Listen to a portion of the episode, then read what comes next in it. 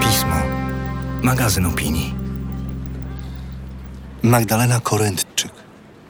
Białe karły. Czyta Maciek Więckowski. Słuchasz tekstu opublikowanego na łamach miesięcznika Pismo, magazyn opinii. Na stronie magazynpismo.pl znajdziesz więcej inspirujących treści, także w wersji audio. Wykup prenumeraty, aby zyskać dostęp do wszystkich artykułów, ilustracji i nagrań. Tydzień przed świętami Bożego Narodzenia, gdy matka robiła w kuchni przegląd zapasów maku, orzechów i suszonych śliwek, ojciec dokonywał inspekcji swojej prywatnej armii. Z latarką czołówką wymykał się wieczorami do blaszanego garażu pod blokiem, gdzie stacjonowały wojska. Stawałem w oknie i po ruchu snopów światła w ciemnym wnętrzu blaszaka zgadywałem, na co patrzy i co zlicza. Prawy tylny kąt, bateria druciaków, szczotek, gąbek, zdzieraków do powierzchni tłustych. Środek tylnej ściany, łuk potasowy, granulat chlorowy, czynne kombinacje czwartorzędowych związków amonowych i niejonowych związków powierzchniowo-czynnych o szerokim spektrum biobójczym. Lewa ściana, szwadron worków na odpady medyczne, kombinezonów, bezpudrowych rękawic nitrylowych, masek z pochłaniaczami. Prawa ściana, brygada młotów udarowych, skrzynek z narzędziami i opryskiwaczy. I tak było aż do Wigilii.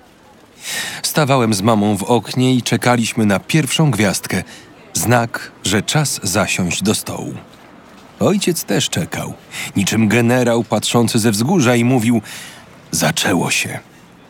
24 grudnia ojciec wypowiadał wojnę. W latach 90. ojciec otworzył działalność gospodarczą. Deratyzacja i dezynsekcja. Gdy w grę wchodzi odpluskwianie, w trosce o państwa komfort psychiczny przyjeżdżamy nieoznakowanym wozem. W wakacje 1995 roku, po których miałem pójść do liceum, zadzwonił telefon. Podniósł słuchawkę. Tak, to ja. Tak, to moja firma. Deratyzacja i dezynsekcja. Tak, słucham, proszę mówić. Ojciec przerwał na dłużej, słuchając rozmówcy. Zaskoczył mnie pan. Nie wiem, nigdy czymś takim się nie zajmowałem. Oczywiście podejmiemy się. Jaki to adres? A kiedy można? Tak, będziemy jutro rano. Później dowiedziałem się, że dzwonił ktoś z nowego zarządu przejętej od państwa nierentownej fabryki naczyń emaliowanych. Nowy właściciel zamierzał wyburzyć obiekt i sprzedać grunt. Wypowiedział też zakładowe mieszkania w hotelu pracowniczym. W jednym z nich starszy mężczyzna podciął sobie żyły. Nikt nie chciał po nim posprzątać. Potem takich telefonów było więcej. Pracownicy PGR-ów, przesiedleni do miasta robotnicy, wykorzenieni ze swoich wsi, nieprzystosowani. Ojciec zatrudnił nowych pracowników i sprowadził z zachodu specjalistyczne środki razem z upiornym know-how. Zaczęło się nam powodzić. Dosłownie dorobiliśmy się na trupach odchodzącego systemu.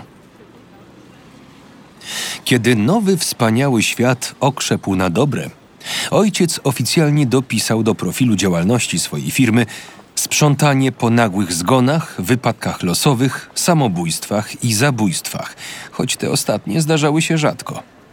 Był strategiem i taktykiem wielkiej kampanii wojennej przeciwko martwej materii. Mówię o ojcu, że wypowiedział wojnę śmierci, choć dziwna to była wojna. Ktoś inny walczył przed nim i przegrał, skoro ojciec przychodził. Wyobrażałem go sobie w zbroi pośród średniowiecznego bitewnego pola, z którego wcześniej ktoś usunął już ciała, jak zsiada z konia, z worka przytroczonego do siodła wyjmuje ryżową szczotkę i szoruje ziemię do czysta. Zawstydzony uśmiechem wywoływanym przez ten obraz, odganiałem go, bo jednak chodziło o czyjeś życie, ale wracał do mnie raz po raz. Ojciec prowadził dziwaczne zapiski, pełne wykresów i tabel. Żył według własnego kalendarza. Dzielił rok na infernalne sezony. W czasie urlopów rodziny zostawiały swoich starców na pastwę białych od żaru i oszałamiających dni letnich, czego ich serca często nie wytrzymywały. Na wykresie to żółta linia. Albo inny wykres, według zawodów. W marcu ojciec mówił: Zaraz będzie po rozmowach sezonowych w teatrach. Trzy miesiące wypowiedzenia do końca sezonu. Aktorzy są bardzo wrażliwi. To linia fioletowa. Koniec roku zbierał żniwo wśród nieuczciwych pracowników, których nierzetelność na wielką skalę odkrywały inwentury. Nie pamiętam koloru. Święta Bożego Narodzenia to też czas, kiedy przyjeżdżał do mieszkań ludzi odwiedzanych przez swoich bliskich raz do roku. Najliczniejsi byli jednak ci ze skłonnością do introspekcji i podsumowań, bez sił i ochoty, by zaczynać następny rok, albo po prostu przybici kombinacją samotności i nadmiaru alkoholu. Pierwsza gwiazda na niebie nie była dla ojca tym, czym była dla nas. Stopniowo dziwaczał i robił się monomanem. Na pozór wszystko było normalnie, ale wystarczyło z nim pobyć, żeby zauważyć, że ojciec był rozmowny bez ciekawości, dobry bez współczucia, zły bez zdenerwowania.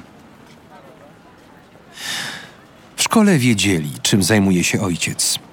Ciekawość makabry ciągnęła ich do mnie, ale nie pozwalała wchodzić w przyjaźnie. Powtarzali, że w domu na pewno mamy rzeczy pozmarłych. Ty, a te spodnie to strupa? Chociaż zarzekałem się, że wszystko idzie na przemiał albo do pieca. Byłem odludkiem. Wycofałem się i obserwowałem z bezpiecznych pozycji. Lubiłem stać przy drzwiach i przez Judasza podglądać sąsiadów, jak idą klatką schodową, rozmawiają, śmieją się, kłócą, nieświadomi mojej obecności. Wachlarz ich emocji był oszałamiający. W naszym domu tego nie było. Zachowywaliśmy poprawne relacje, ale sprawialiśmy wrażenie, jakby nie było w nas życia. Nie słyszałem, by rodzice się śmiali. O okazywaniu czułości nie było mowy. Mieszkaliśmy ze sobą jak wzorowi współlokatorzy, którzy zawsze myją po sobie naczynia i usuwają włosy z odpływu wanny. Powietrze stało. Mijaliśmy się z uprzejmymi uśmiechami. Niczego nie przybywało i nic nie ubywało. Liczba atomów w domu była stała. Niech za przykład posłużą prezenty. Ojciec mumifikował je w wersalce. Wyjmował bombonierkę, którą dostał ode mnie pięć lat temu i nie kłopocząc się nawet zmianą papieru i wstążki, wręczał mi pokryte szarawym nalotem starości czekoladki. Żyliśmy wąskim życiem, zwężonym. Jeśli ciastka, to najtańsza krajanka kakaowa. Jeśli herbata, to liściasty szajs. Jeśli ciuchy, to szmaty na wagę, a szampon, szczypiący detergent, po którym włosy zbijały się w kołtun. Przyjemność była nieprzyzwoitym ekscesem, zbędnym wydatkiem energii. To trupi jad. Tak sobie powtarzałem dla żartu. Ojciec przynosił jego mikrony na butach. Gdy zasypiałem, toksyna rozpełzała się po domu. Wsiąkała w swetry w szafie, w szczoteczki do zębów, w małżeńskie łóżko rodziców. Podobno na wyspie Teshima żyje Japończyk, który kolekcjonuje nagrania bicia serca. Ludzie z całego świata wysyłają mu swoje nerwicowe szmery, miłosne trzepoty, starcze kołatania. Byłem pewien, że gdybym wysłał mu moje nagranie, usłyszałby ciszę. Podczas uroczystości rodzinnych ojciec zazwyczaj milczał. Po jakiejś godzinie miał jednak w zwyczaju wyjmować z szuflad biurka opasłe albumy. Takie w starym stylu. Nie te, gdzie wystarczyło wsunąć zdjęcie za przezroczystą folię. Jego albumy miały kartonowe strony, do których przyklejał zdjęcia i opatrywał je podpisami. Identyczny album matka zapełniła ich zdjęciami ślubnymi, podpisanymi cytatami z piosenek w rodzaju najtrudniejszy pierwszy krok i już mi niosą suknię z welonem.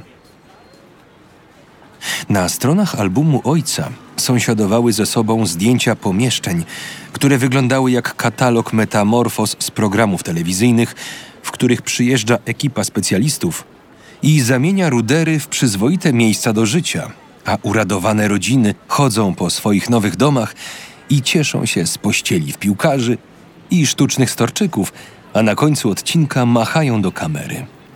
Na zdjęciach ojca nikt nie machał. Otwierał albumy i rozpoczynał pokaz uroczystą preambułą objaśniającą genezę założenia firmy, jej cele i praktyki. Trzymał się ściśle faktów i technikaliów. Nigdy nie błądził w rejony filozoficznych rozważań o życiu i śmierci. W jego przemowie nie pojawiał się ślad metafizyki. Był jak skupione na robocie amazońskie mrówki obrabiające truchło pekari.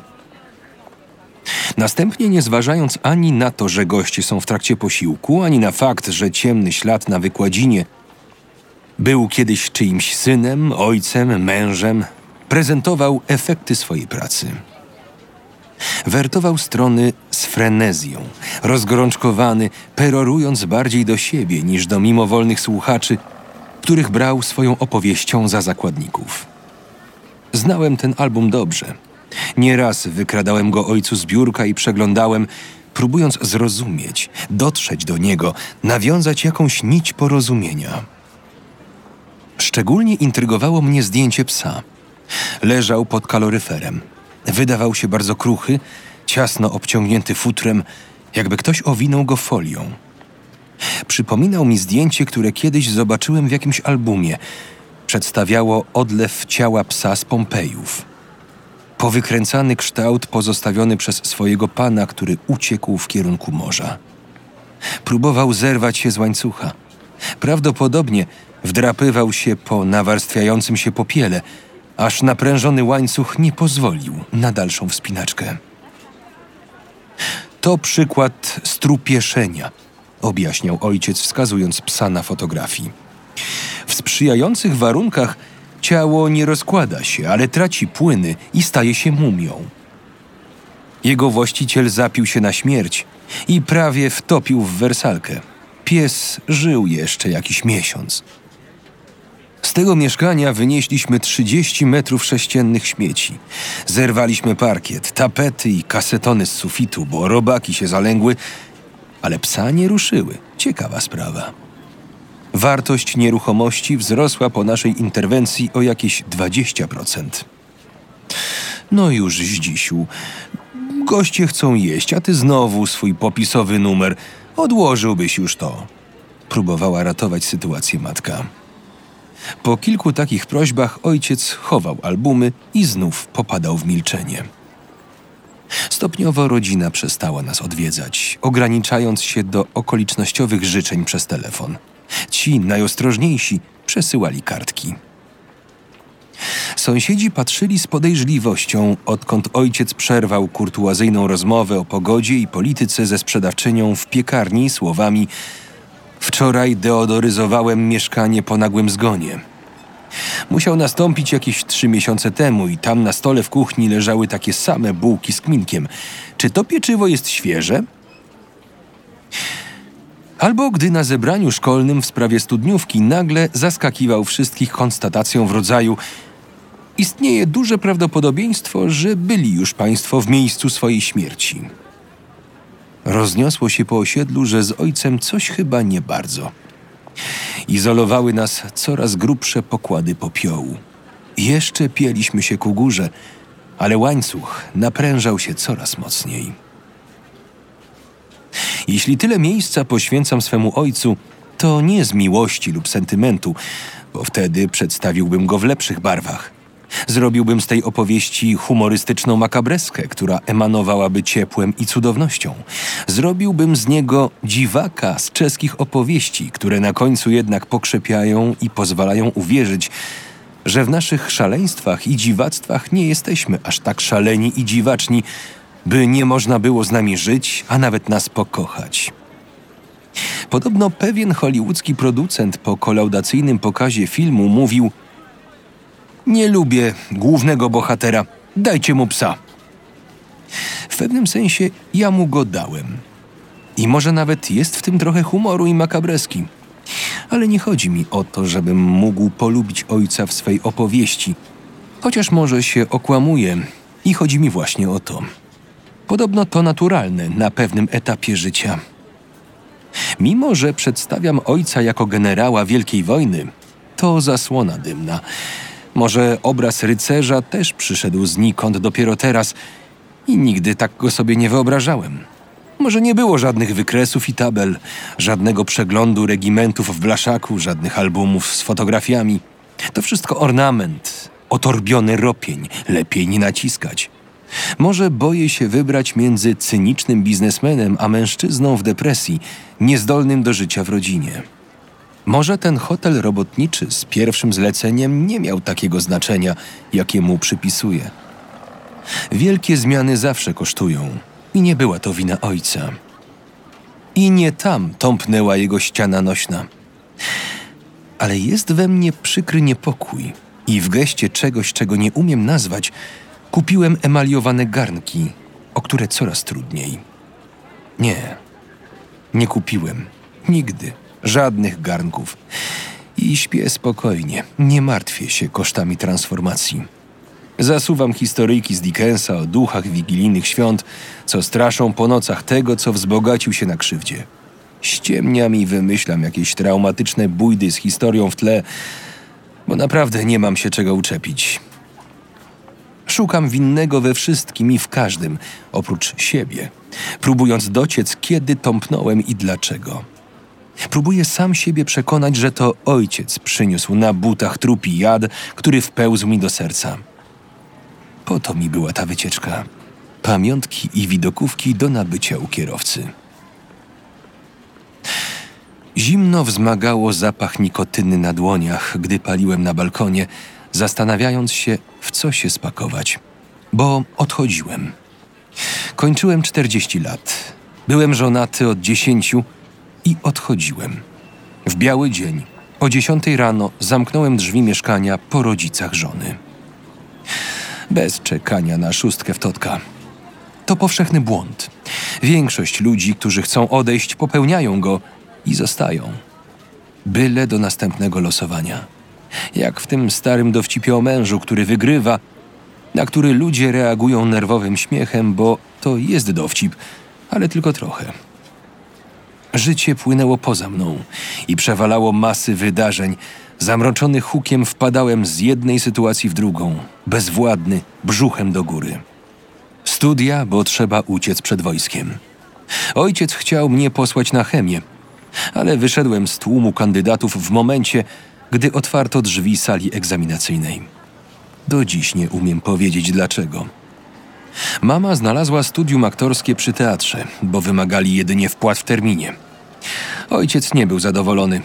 Może widział mnie już w swoim marcowym wykresie fioletową kredką. Dalej.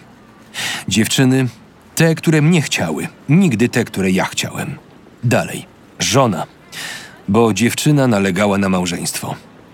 Mój mózg nie uczestniczył w procesach decyzyjnych. Mijałem ludzi i okazje jak atrakcyjne nieruchomości, do których nigdy się nie wprowadzę.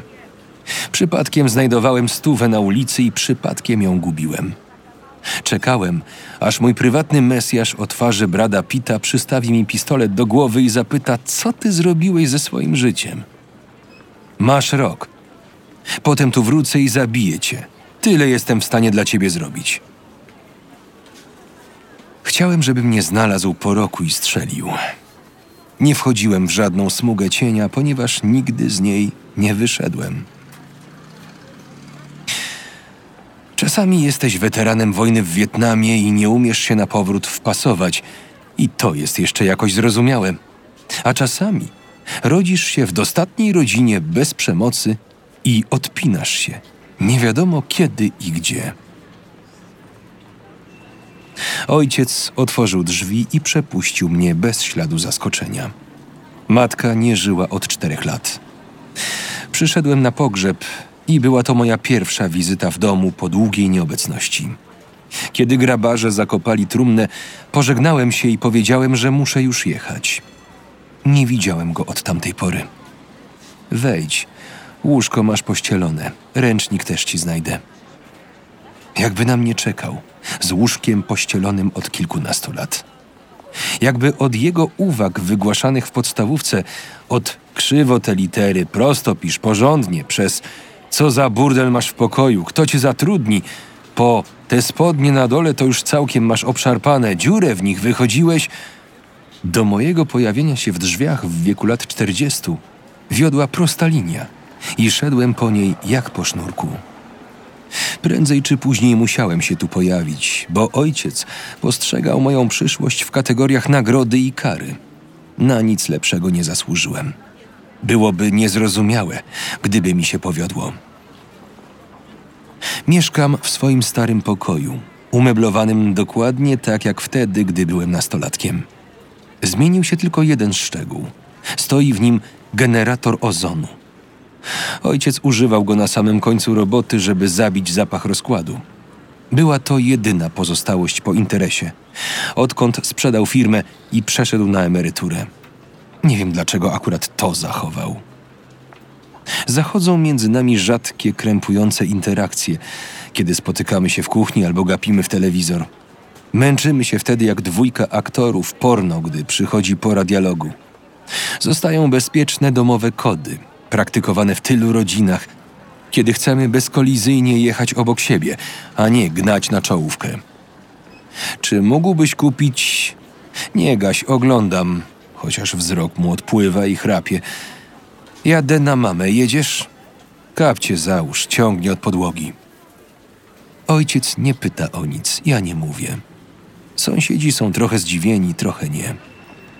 I czasami, gdy stoi do mnie tyłem i widzę jego chudą szyję i drobne ramiona, chciałbym mu powiedzieć: To żaden trupi jad, to bójdy.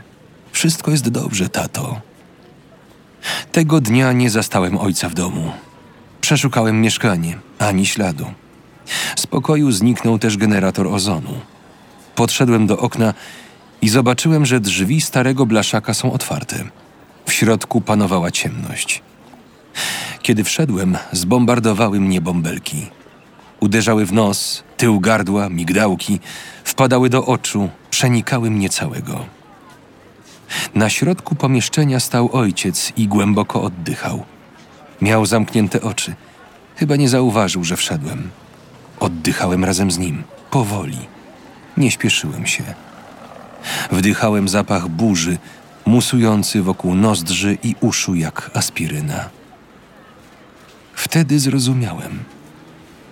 Ojciec włączał urządzenie i ustanawiał państwo zapomnienia.